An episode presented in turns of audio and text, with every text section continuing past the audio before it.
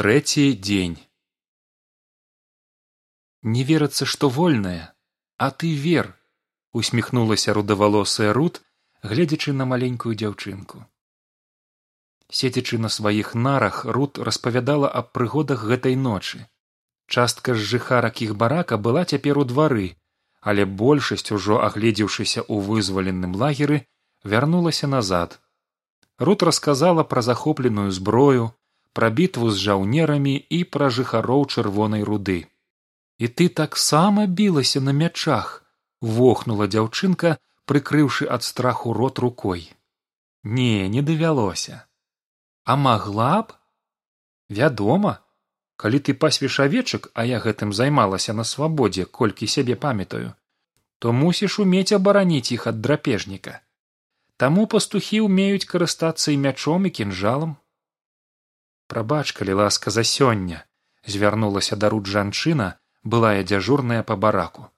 Я баялася за нас усіх я разумею адказала руд.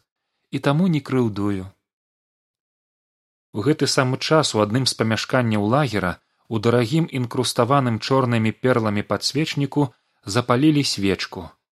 Рука паспешліва адсунула ў бок залатыя талеркі і чашы на масіўны драўляны стол лёг аркуш паперы зарыпела пяро. Цень чалавека што пісаў нервова дрыжаў на цёмных распісаных золатам шпалерах. Праз некалькі хвілінаў ліст быў скончаны. З клеткі якая вісела пад столлю дасталі шэрага каршуна. Скручаны трубачкай ліст быў старанна прымацаваны яму да лапы. Потым асцярожна каб ніхто не пачуў адчынілі акно і каршун незаўважна панёсся ў цёмнае неба шэрая птушка спяшалася ў вертагард. Каршун ведаў што ў замку вормара яму аддзячаць смачным пачастункам халоднай жабай. А калі пашанцуе той дохлай мышшу. І таму імкліва рассякаў паветра сваімі вострымі крыламі. Калі над лагерам узышло сонца частка былых зняволеных пачала збірацца ў дарогу. Людзі асабліва тыя што правялі тут не адзін год хацелі чым хутчэй пакінуць гэтае злавеснае месца. Яны ўзялі з сабой ежы набралі затхлай вады з адзінага але заўсёды поўнага лагернага калодзежа і рушылі да брамы. Пачакайце закрычаў ім натан першы захоўнік. Хутка павінна адбыцца нарада мы вырашым што рабіць далей вось вы і вырашаеце што вам рабіць адказаў хмурны чалавек што вёў натоўп а мы хочам патрапіць дамоў. Вас там адразу арыштуюць спрабаваў пераканаць натан. Лепш памерці дома чым у няволі упарта сказаў чалавек і павярнуўшыся назад скамандаваў вялізнаму натоўпу. Пайшлі! Людзі пабрылі ў пустэльню шукаючы дарогі дадому. Што зробіш? прамовіў эміль які стаяў разам з натанам. Яны ў нечым маюць рацыю хто яго ведае можа так і лепш. Спадзяюся яны дабяруцца да сваіх дамоў. Кіраўнік службы сакрэтнага ліставання працаваў у адной з вежаў замка ўладароў у самай высокай яе частцы. Праца ў кіраўніка была спакойная. Раз на месяц кожны з гарадоў эферыі мусіў адправіць ліст сябру вормару. Там былі лічбы колькасці сабраных падаткаў навіны пра сітуацыю з вадой інфармацыя пра настроі якія пануюць сярод месцічаў. З далёкіх гарадоў лісты як правіла дасылаліся каршуновую поштаю з блізкіх кур'ерам. Праца гэта была адказная але не складаная і кіраўнік службы сакрэтнага ліставання быў сваім месцам задаволены. Ён прывык працаваць у замку яшчэ з часоў уладара арыстарха. Толькі ў тыя гады ён быў архіварыусам калі ўлада памянялася ён прысягнуў на вернасць вормару і змяніў свой занятак. Часам праўда сумленне былога архіварыуса спрабавала падаць голас але ён гэты голас усяляк прыглушаў. Ён і жыў тут на працы. Гэта было зручна можна было пастаянна дзяжурыць ды і за ежу не трэба было плаціць.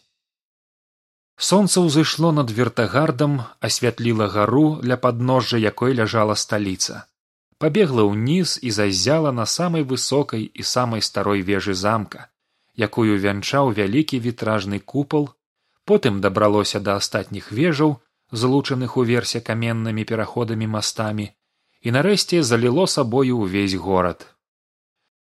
Былы архіварыус запарваў у шклянцы любімыя ранішнія зёлкі напяваючы пад нос нейкую простую мелодыю як раптам пачуўся лопат крылаў і нешта цёмнае з'явілася ў акне. Ад нечаканасці ён выпусціў шклянку і тая звонка разляцелася на каменнай падлозе. Вялікі шэры каршун сеў на жэртку ля расчыненага акна.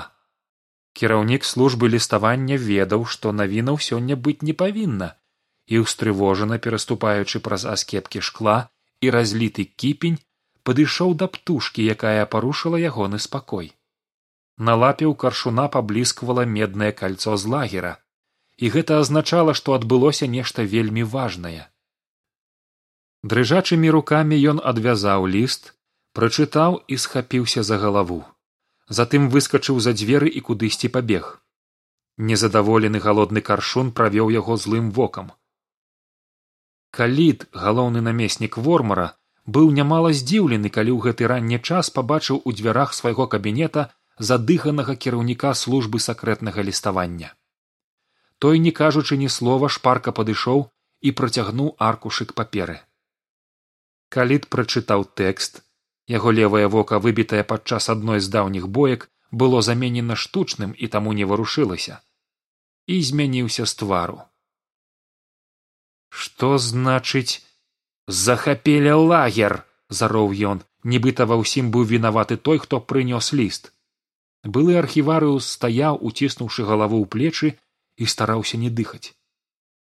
Чакай тут загадаў калід і паспяшаўся наверх у залу ўладароў ён ведаў што вормар ужо ўстаў і яму каліду давядзецца прынесці свайму начальніку не самую добрую вестку.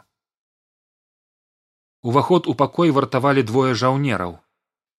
Пабачыўшы каліда яны расступіліся і выцягнуліся на зважай прапускаючы яго ўнутр вормар стаяў у паўабарота да дзвярэй і глядзеў у акно. Калід моўчкі застыў на месцы.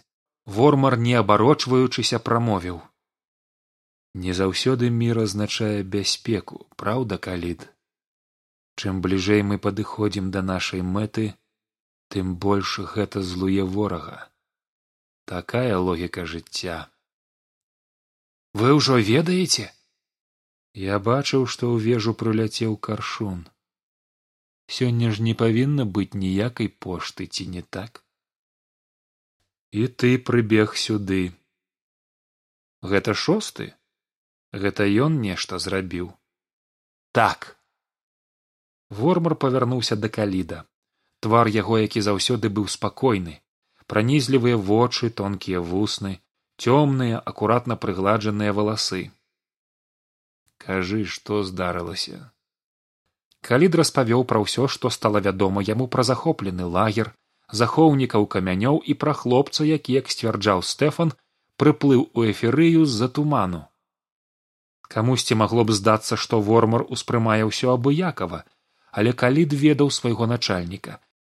Ён быў стрыманы на эмоцыі і падчас гэтай прамовы толькі аднойчы ледзь заўважна падняў бровы, калі пачуў пра прышлага пра яся. Вось што давялі да нашага ведама падвёў вынікі калід. калі дазволіце сябра вормар я магу выкласці свае прапановы калі ласка на маю думку вельмі важна каб народ эферыі не даведаўся пра гэты жахлівы выпадак непадпарадкавання. Нам належыць проста накіраваць туды войска і ціха вырашыць гэтую праблему. Адразу і канчаткова вормар паглядзеў на яго і спакойна прамовіў. Нам увогуле не трэба адпраўляць туды войска. Калі здзіўлена змоўк але затым быццам нешта зразумеўшы жвава заківаў галавой. Я разумею пра што вы сябра вормар. Час нам дапаможа! Так час на нашым баку вормар помаўчаў калі толькі не паўторыцца тая гісторыя што была шостым аднак думаю гэта малаверагодна. Гэта было выключэнне упэўнена сказаў калід хоць мы і не ведаем як тое стала магчымым але паўтарыцца яно не можа. Калі туды адпраўлялі апошні харчовы канвой. Тры тыдні таму. Значыць ежа ў іх толькі на тыдзень. Вормар пра нешта задумаўся і працягнуў. Праз паўтара месяца нашым жаўнерам можна будзе наведацца туды большая частка бунтаўшчыкоў памрэ з голаду. Тыя нешматлікія якія застануцца не змогуць супраціўляцца. Так падтрымаў каліт і вось яшчэ што. Нам патрэбныя новыя зняволеныя ў лагер. Але дзе ж мы возьмем столькі новай працоўнай сілы? Вормар сеў і паціснуўшы плячыма абыякова прамовіў у нас ёсць спісы ненадзейных грамадзянаў так ёсць адпраўце загад ва ўсе гарады нашым гарнізонам каб яны не адкладаючы сёння ж вечарам правялі арышты паводле гэтых спісаў набярэцца якраз некалькі тысячаў. Восемнадцать тысячаў удакладніў калід. Восемнадцать. Цудоўна мы запоўнім і старыя і новыя баракі ў лагеры. А пакуль што трымаць іх у гарадскіх турмах? Менавіта. У нас і так стала неспакойна апошнім часам. Таму лепш не чакаць арыштуем іх зараз. Каліт пакланіўся і выйшаў. Ён паспешліва вярнуўся ў свой пакой напісаў ліст і перадаў яго кіраўніку службы ліставання праз некалькі хвілінаў шэрая птушка задаволена прыглынуўшы прынесеную для яе мыш паляцела назад у лагер несучы адказ. Ясь прачнуўся ад таго што хтосьці адчыніў дзверы і зазірнуў у пакой. Галава адразу схавалася. Ясь напружыў памяць і ўзгадаў што гэтага кучаравага чалавека звалі эміль і за дзвярыма сказалі спяць яшчэ ясь устаў падышоў да стэфана і дакрануўся да пляча. Стэфан прачынайся захоўнікі прыйшлі шосты хутка падхапіўся быццам і не спаў ён зусім а проста разважаў заплюшчанымі вачыма і яны выйшлі ў калідор. Тут ужо чакалі натан эміль фелікс і гіман. Стэфан запрасіў усіх у суседні вялікі пакой. Туды дзе яшчэ колькі гадзінаў таму сядзелі турэмныя вартавыя а сам пайшоў па тамаша пасярод пакоя стаяў доўгі стол на якім былі графіны з вадой і шклянкі. Вакол стала каля тузіна крэслаў. Скрозь закратаваныя вокны можна было бачыць людзей што хадзілі па лагерным двары. Праз якую хвіліну стэфан вярнуўся са старэйшынам чырвонай руды. Тамаш адразу падышоў да натана і яны цёпла па сяброўску прывіталіся. Даўно ты ў нас не быў сказаў тамаш. Даўно ну што як бачыў усе на месцы пачаў стэфан. Так адказаў фелікс. І вось яшчэ гіман.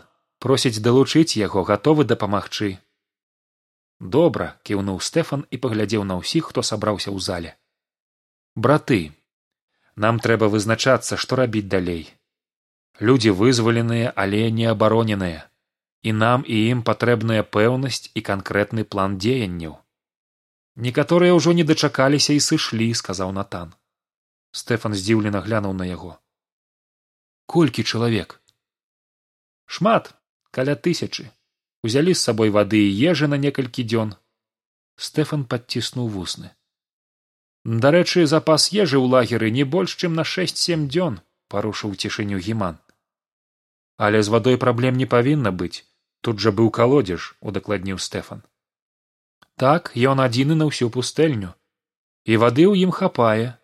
Гіман узяў са стала напоўнены вадою з банок і разліў па шклянках. Ясь адпіў яна была яшчэ горшай чым тая што ён каштаваў у чырвонай рудзе нечакана дзверы адчыніліся і ў пакой зайшла дзяўчына. Яе яркія рудыя валасы быццам ззялі ў ранішнім сонцы.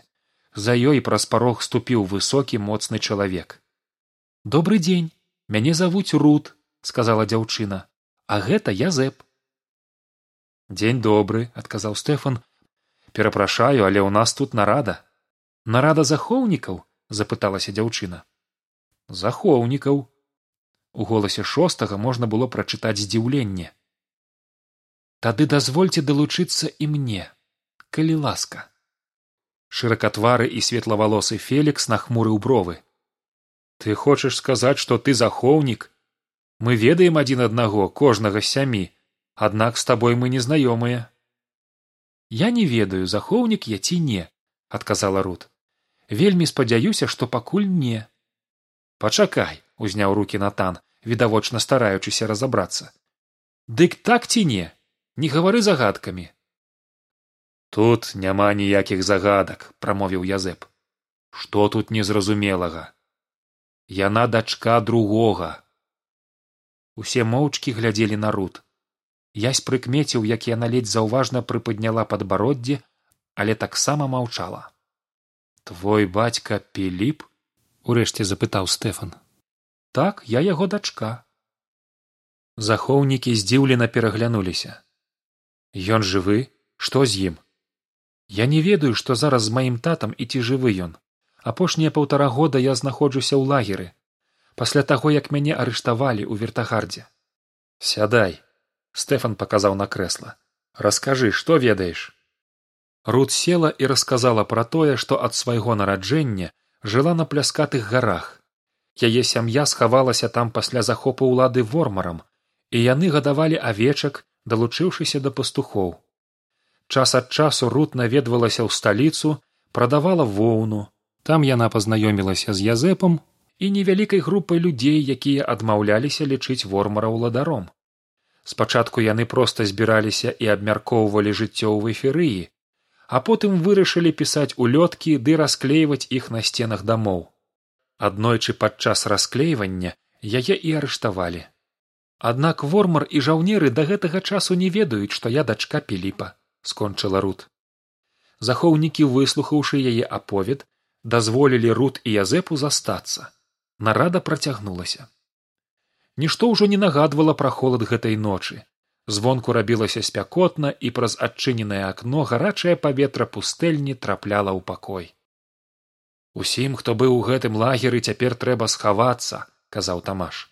Не для таго мы атрымалі свабоду каб страціць яе ў найбліжэйшыя дні але тут столькі людзей куды мы іх павядзём запытаўся эмиль я згодны са старэйшынам сказаў натан. Людзей трэба выводзіць. Прычым тэрмінова улічваючы што толькі дарога па пустэльні з дзецьмі зойме два а то і тры дні ідзе іх падзець зноў спытаў эмиль у свае дамы ім ужо не вярнуцца. У кожным з гарадоў стаіць вормараўскі гарнізон і іх адразу арыштуюць хутка павінен прыехаць харчовы канвой. Мы можам яго захапіць і ў нас будзе месячны запас ежы прапанаваў язэп і што нам гэта дасць запярэчыў фелікс. Яны адправяць сюды войска і мы не зможам утрымаць лагер ад штурму а імі не патрэбны будзе штурм сказаў натан. Яны нас змогуць проста ўзяць у аблогу пакуль у нас не скончыцца ежа наступіла цяжкая цішыня і ў гэтую цішыню з вуліцы ўбег адзін з часавых якіх паўстанцы выставілі на вежах. Людзі вяртаюцца! Людзі вяртаюцца ў лагер! Як? Чаму? Усе іх шмат відаць усе. Удзельнікі нарады паспяшаліся на вуліцу да лагернай брамы. Тое што яны ўбачылі не магло не здзівіць. Па пустэльні назад у бок лагера цягнуліся сотні людзей. Яны вярталіся неарганізавана ў россып. Былі быццам кожны сам па сабе. Што гэта азначае усхвалявана прашаптаў натан але ніхто не змог яму адказаць. Першыя ўжо дайшлі да брамы ніхто з іх нічога не казаў яны толькі ў партам моўчкі ішлі да сваіх баракаў ні на што не зважаючы. Ясь з жахам глядзеў на гэтых няўдалых уцекачоў застыглыя быццам невідушчыя вочы скажоныя страхам твары безнадзейнасць і адчай. Язь падбег да таго які вяртаўся першым і стаў насупраць спрабуючы спыніць. Стойце! Што здарылася? Чаму вы вярнуліся чалавек не зважаючы на хлопца проста адпіхнуў яго грудзьмі. Што там было? Чаму маўчыце не сунімаўся язь схапіўшы чалавека за рукаў. Той быццам крыху ачомаўшыся павярнуўся да яго і злосна выгукнуў. Я хачу вярнуцца сюды і раптам дадаў амаль са слязьмі. Не перашкаджайце мне ясь выпусціў рукаў чалавека. Той пабрыў далей у глыб лагера а пасля яго сотні няўдалых уцекачоў быццам у паўсне усё заходзілі і заходзілі ў браму. Нарада працягнулася ўжо ў зусім іншым настроі. Мы мусім прайсці праз пустэльню сказаў стэфан. Трэба даведацца што там здарылася з гэтымі людзьмі безумоўна калі мы ўзялі на сябе адказнасць то павінны ісці самі нашым невялікім атрадам пагадзіўся фелікс. Адразу за пустэльняй у закінутай вёсцы жыве адзін з маіх людзей патрык працягнуў стэфан паглядзеўшы на сваіх сяброў. У выпадку калі нам удасся выбрацца мы можам спыніцца ў яго а там вырашыць што рабіць далей. Акрамя таго калі гэта спатрэбіцца то дзякуючы патрыку мы зможам папрасіць дапамогі ў іншых гарадах зможам папрасіць дапамогі здзівіўся эмиль так. Прычым такім чынам што жаўнеры вормара пра гэта не даведаюцца кіўнуў стэфан але гэта толькі ў выпадку крайняй неабходнасці. Стэфан павярнуўся да старэйшыны і запытаўся. Шаноўны тамаш ці згодныя былі б вы застацца пакуль тут у лагеры і ўзяць на сябе кіраванне людзьмі? Цэлы лагер гэта куды больш чым чырвоная руда адказаў старэйшына. Але можна паспрабаваць я згодны дзякуй стэфан схіліў галаву і працягнуў. Як надоўга мы сыходзім сказаць цяжка пакуль нам вядома толькі тое што людзі вярнуліся і сярод іх няма параненых а не можа быць так запытаўся эмиль ну вы памятаеце гэтыя даўнія легенды пра тое што з пустэльні нельга выйсці можа гэта якраз яно? Лухта запярэчыў натан. Гэта ўсё страх чалавека перад недаследаванай прыродай не больш за тое. Вось жа стэфан калісьці збег з лагера. Тым больш што месяц прыходзіць канвой з ежай раз на год мяняецца ўся варта. Так што не будзем тлуміць сабе галаву а ці ведаем мы дакладна ў які бок ішлі ўсе тыя хто зараз вярнуўся запытаўся язь калі ты хочаш выбрацца адсюль то ісці тут можна толькі на ўсход адказаў стэфан. На поўдні затока на захадзе мора на поўначы чорныя горы. Так што іншага кірунку проста няма. Значыць ідём зараз? Рашуча запытаў язэп так адказаў стэфан на зборы часу выдзелілі няшмат. Хутка перакусіць папіць ды набраць вады з лагернага калодзежу. І ў шлях